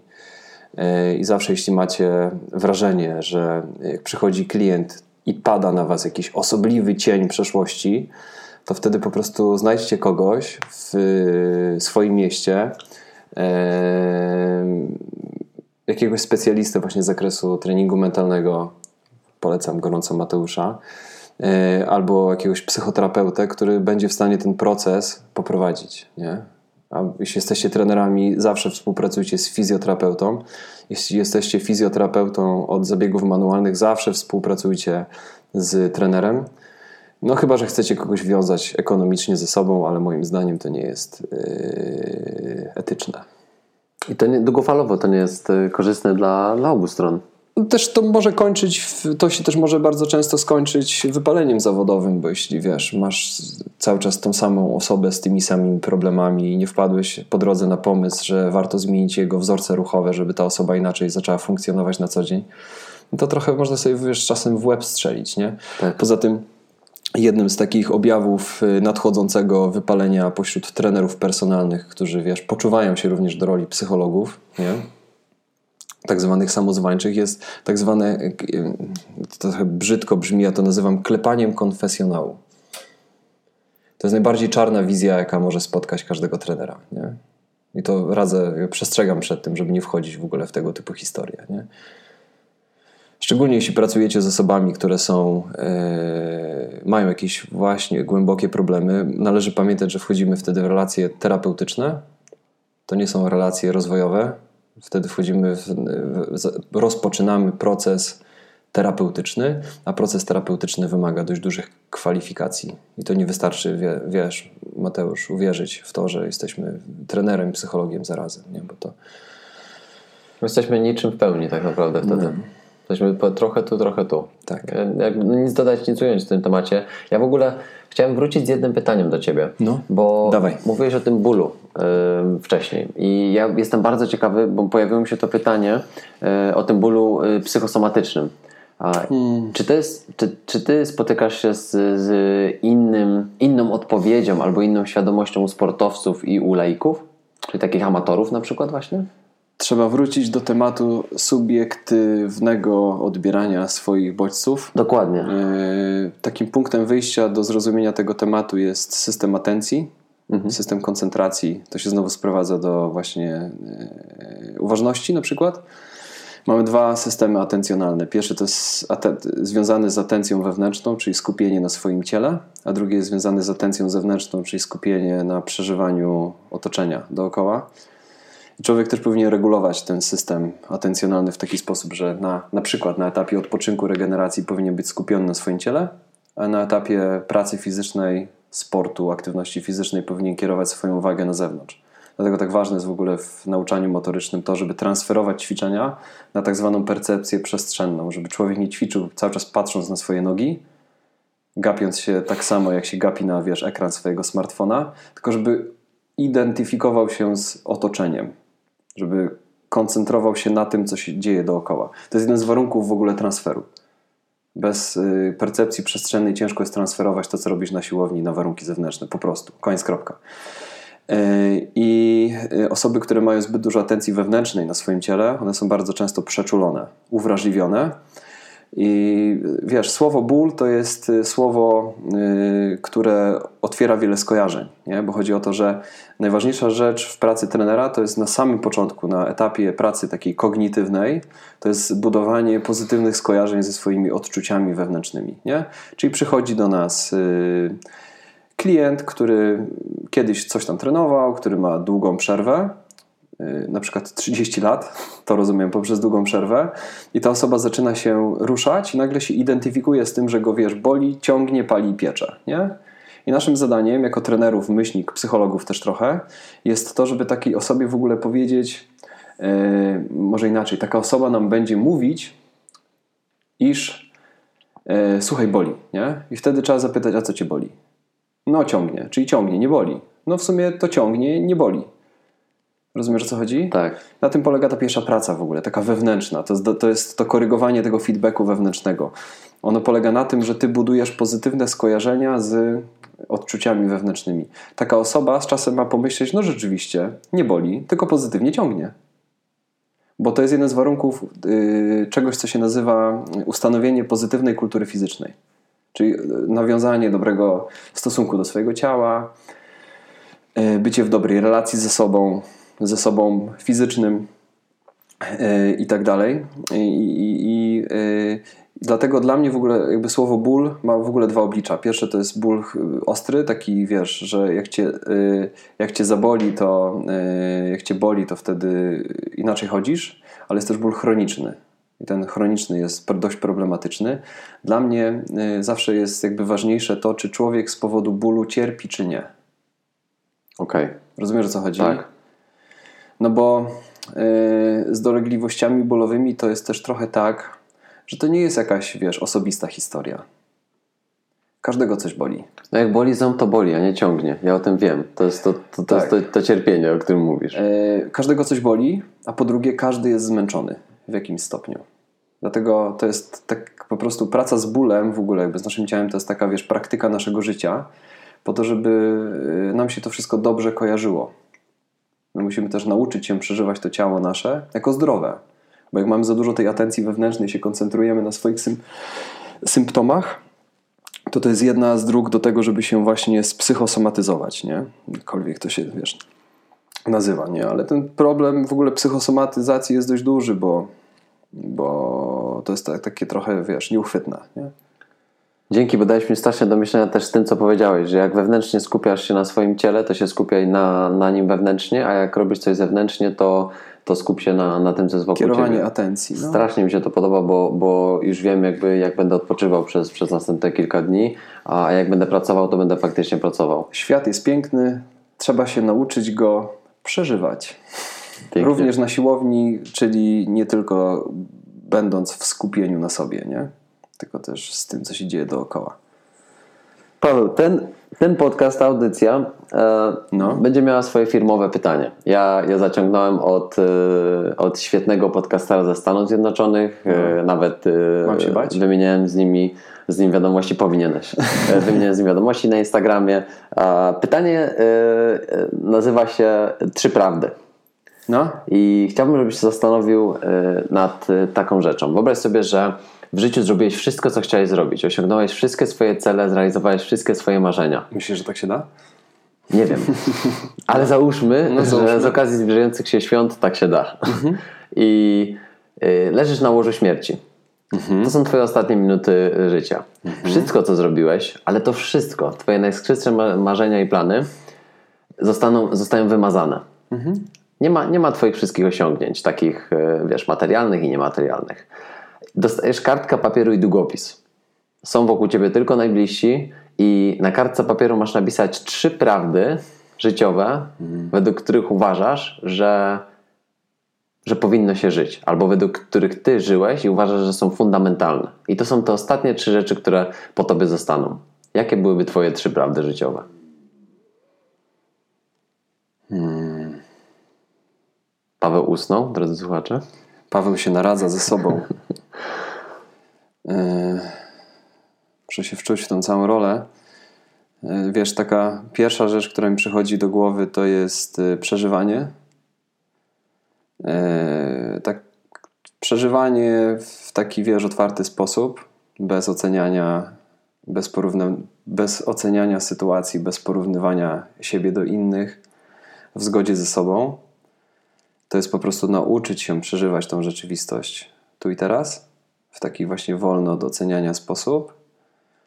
E, no bo to nam daje, wiesz, dystans do wszystkiego, wiesz, do uczuć, do ludzi, do tych wszystkich stresorów. E, po prostu nie tracić czasu na pierdoły, nie? E, druga rzecz, mm, o której sobie myślę, to ludzie, którymi się otaczamy.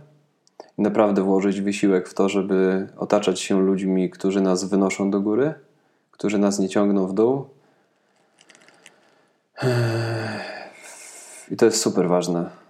I, i tutaj być stanowczym yy, i nie akceptować ludzi, którzy poniżają innych, którzy obgadują innych, którzy wzrastają na tym, że poniżają innych. Najczęściej to są ludzie, którzy sami byli kiedyś, wiesz, poniżani, wiesz, w szkole, w domu i tak dalej.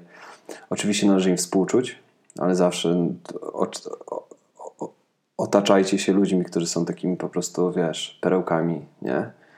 Przy których liśnimy i wzrastamy, e, bo to nam po prostu daje, wiesz, kopa do kwadratu albo i do sześcianu, nie?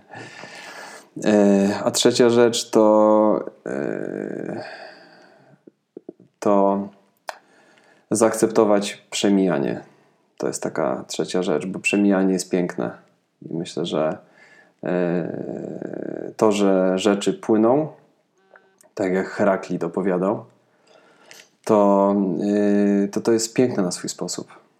To, że rzeczy nie mają, wiesz, takiej swojej trwałej esencji, to jest, to jest super i należy też do tego podchodzić yy, nie tylko do cech, powiedzmy, fizycznych, sportowych, ale też do, do wszystkich sytuacji życia, bo przemijalność jest takim po prostu znamieniem jakby naszej egzystencji.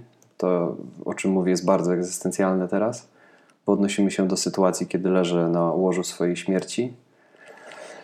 E, I po prostu być człowiekiem, który e, e, na końcu po prostu niczego nie żałuje. Fajnie. Paweł, ja ci, ja ci chcę podziękować. Ja Ci chcę podziękować za to, że, że jesteś moim kumplem, że, że postawiłeś na mnie. Odwzajemniam. że postawiłeś na mnie wtedy, bo, e, bo nasza, nasza relacja e, by pewnie się tak nie rozwinęła, a może i tak by się rozwinęła, ale, ale nie wtedy, gdybyś nie postawił na, na, na moją osobę i na mój pomysł. Ale e, ja chcę Ci też podziękować za to, że Ty jesteś tą, tą perełką, że Ty jesteś tym człowiekiem, który wnosi tyle dobra w życia innych, bo właśnie dlatego ja uważam, że Ty jesteś na tej mistrzowskiej drodze, bo jesteś tą perełką, jesteś tą zmianą, jesteś tym światłem, którego ludzie szukają. I dla mnie e, to jest definicja kroczenia po mistrzowskiej drodze. I ja wiem, że ty, jak dojdziesz do, do, do tej sytuacji, którą, którą przed chwilą opisałem, na łoży śmierci, to te trzy prawdy życiowe będziesz mógł sobie odhaczyć jako, jako zrobione. Więc mhm. ja za to Ci dziękuję, bo y, zmieniasz ten świat na lepsze i jesteś definicją tego, że relacje ponad transakcje, dla mnie przynajmniej, i, y, i od jednostek to się wszystko zaczyna. Także ja Ci za to chcę bardzo podziękować. Ja Tobie, Mati, dziękuję również. Y, za to, że, że mnie zaprosiłeś, jest to dla mnie w ogóle pierwszy taki podcast. Y, dużo to dla mnie znaczy. Ja bardzo często, ponieważ ja uczę Jestem, jestem w pewnym sensie nauczycielem i prowadzę kursy. To, czym mówię teraz, to są y, rzeczy, które bardzo często chciałbym też mówić, ale o których się nie zawsze mówi, bo realizuje się te wszystkie, wiesz, twarde, zewnętrzne, wiesz, metody, nie zawsze się dotyka, wiesz, tej esencji istoty ludzkiej, natury ludzkiej. I myślę, że warto się też tym podzielić, bo, e, bo to jest taki aspekt, e, który jest niezmiernie ważny, ale on tak naprawdę e, pewna biegłość w nim dotyczy też takiej naszej samorealizacji, nie? To nikt z nas za to nie zrobi, nie? Po prostu, nie? I dziękuję naszym odbiorcom po drugiej stronie technologii, e, którzy nas e, słuchali do samego końca. Dzielnie. E, dokładnie. Myślę, że zawsze mamy tą, wiesz, tą alternatywę wieczorem albo odpalić piwo, albo posłuchać czegoś, wiesz, wartościowego. to jest zawsze wybór. No i tak. A nie można połączyć? Można, oczywiście. Wiesz, trucizny w małych ilościach przedłużają życie, Podobno. ale w zbyt dużych skracają. Zgadza się. Tym miłym akcentem jeszcze raz Ci Paweł dziękuję, że, że byłeś i że jesteś. Dzięki Tobie, dzięki Wam i do usłyszenia pewnie niebawem. Trzymajcie się, cześć. Cześć.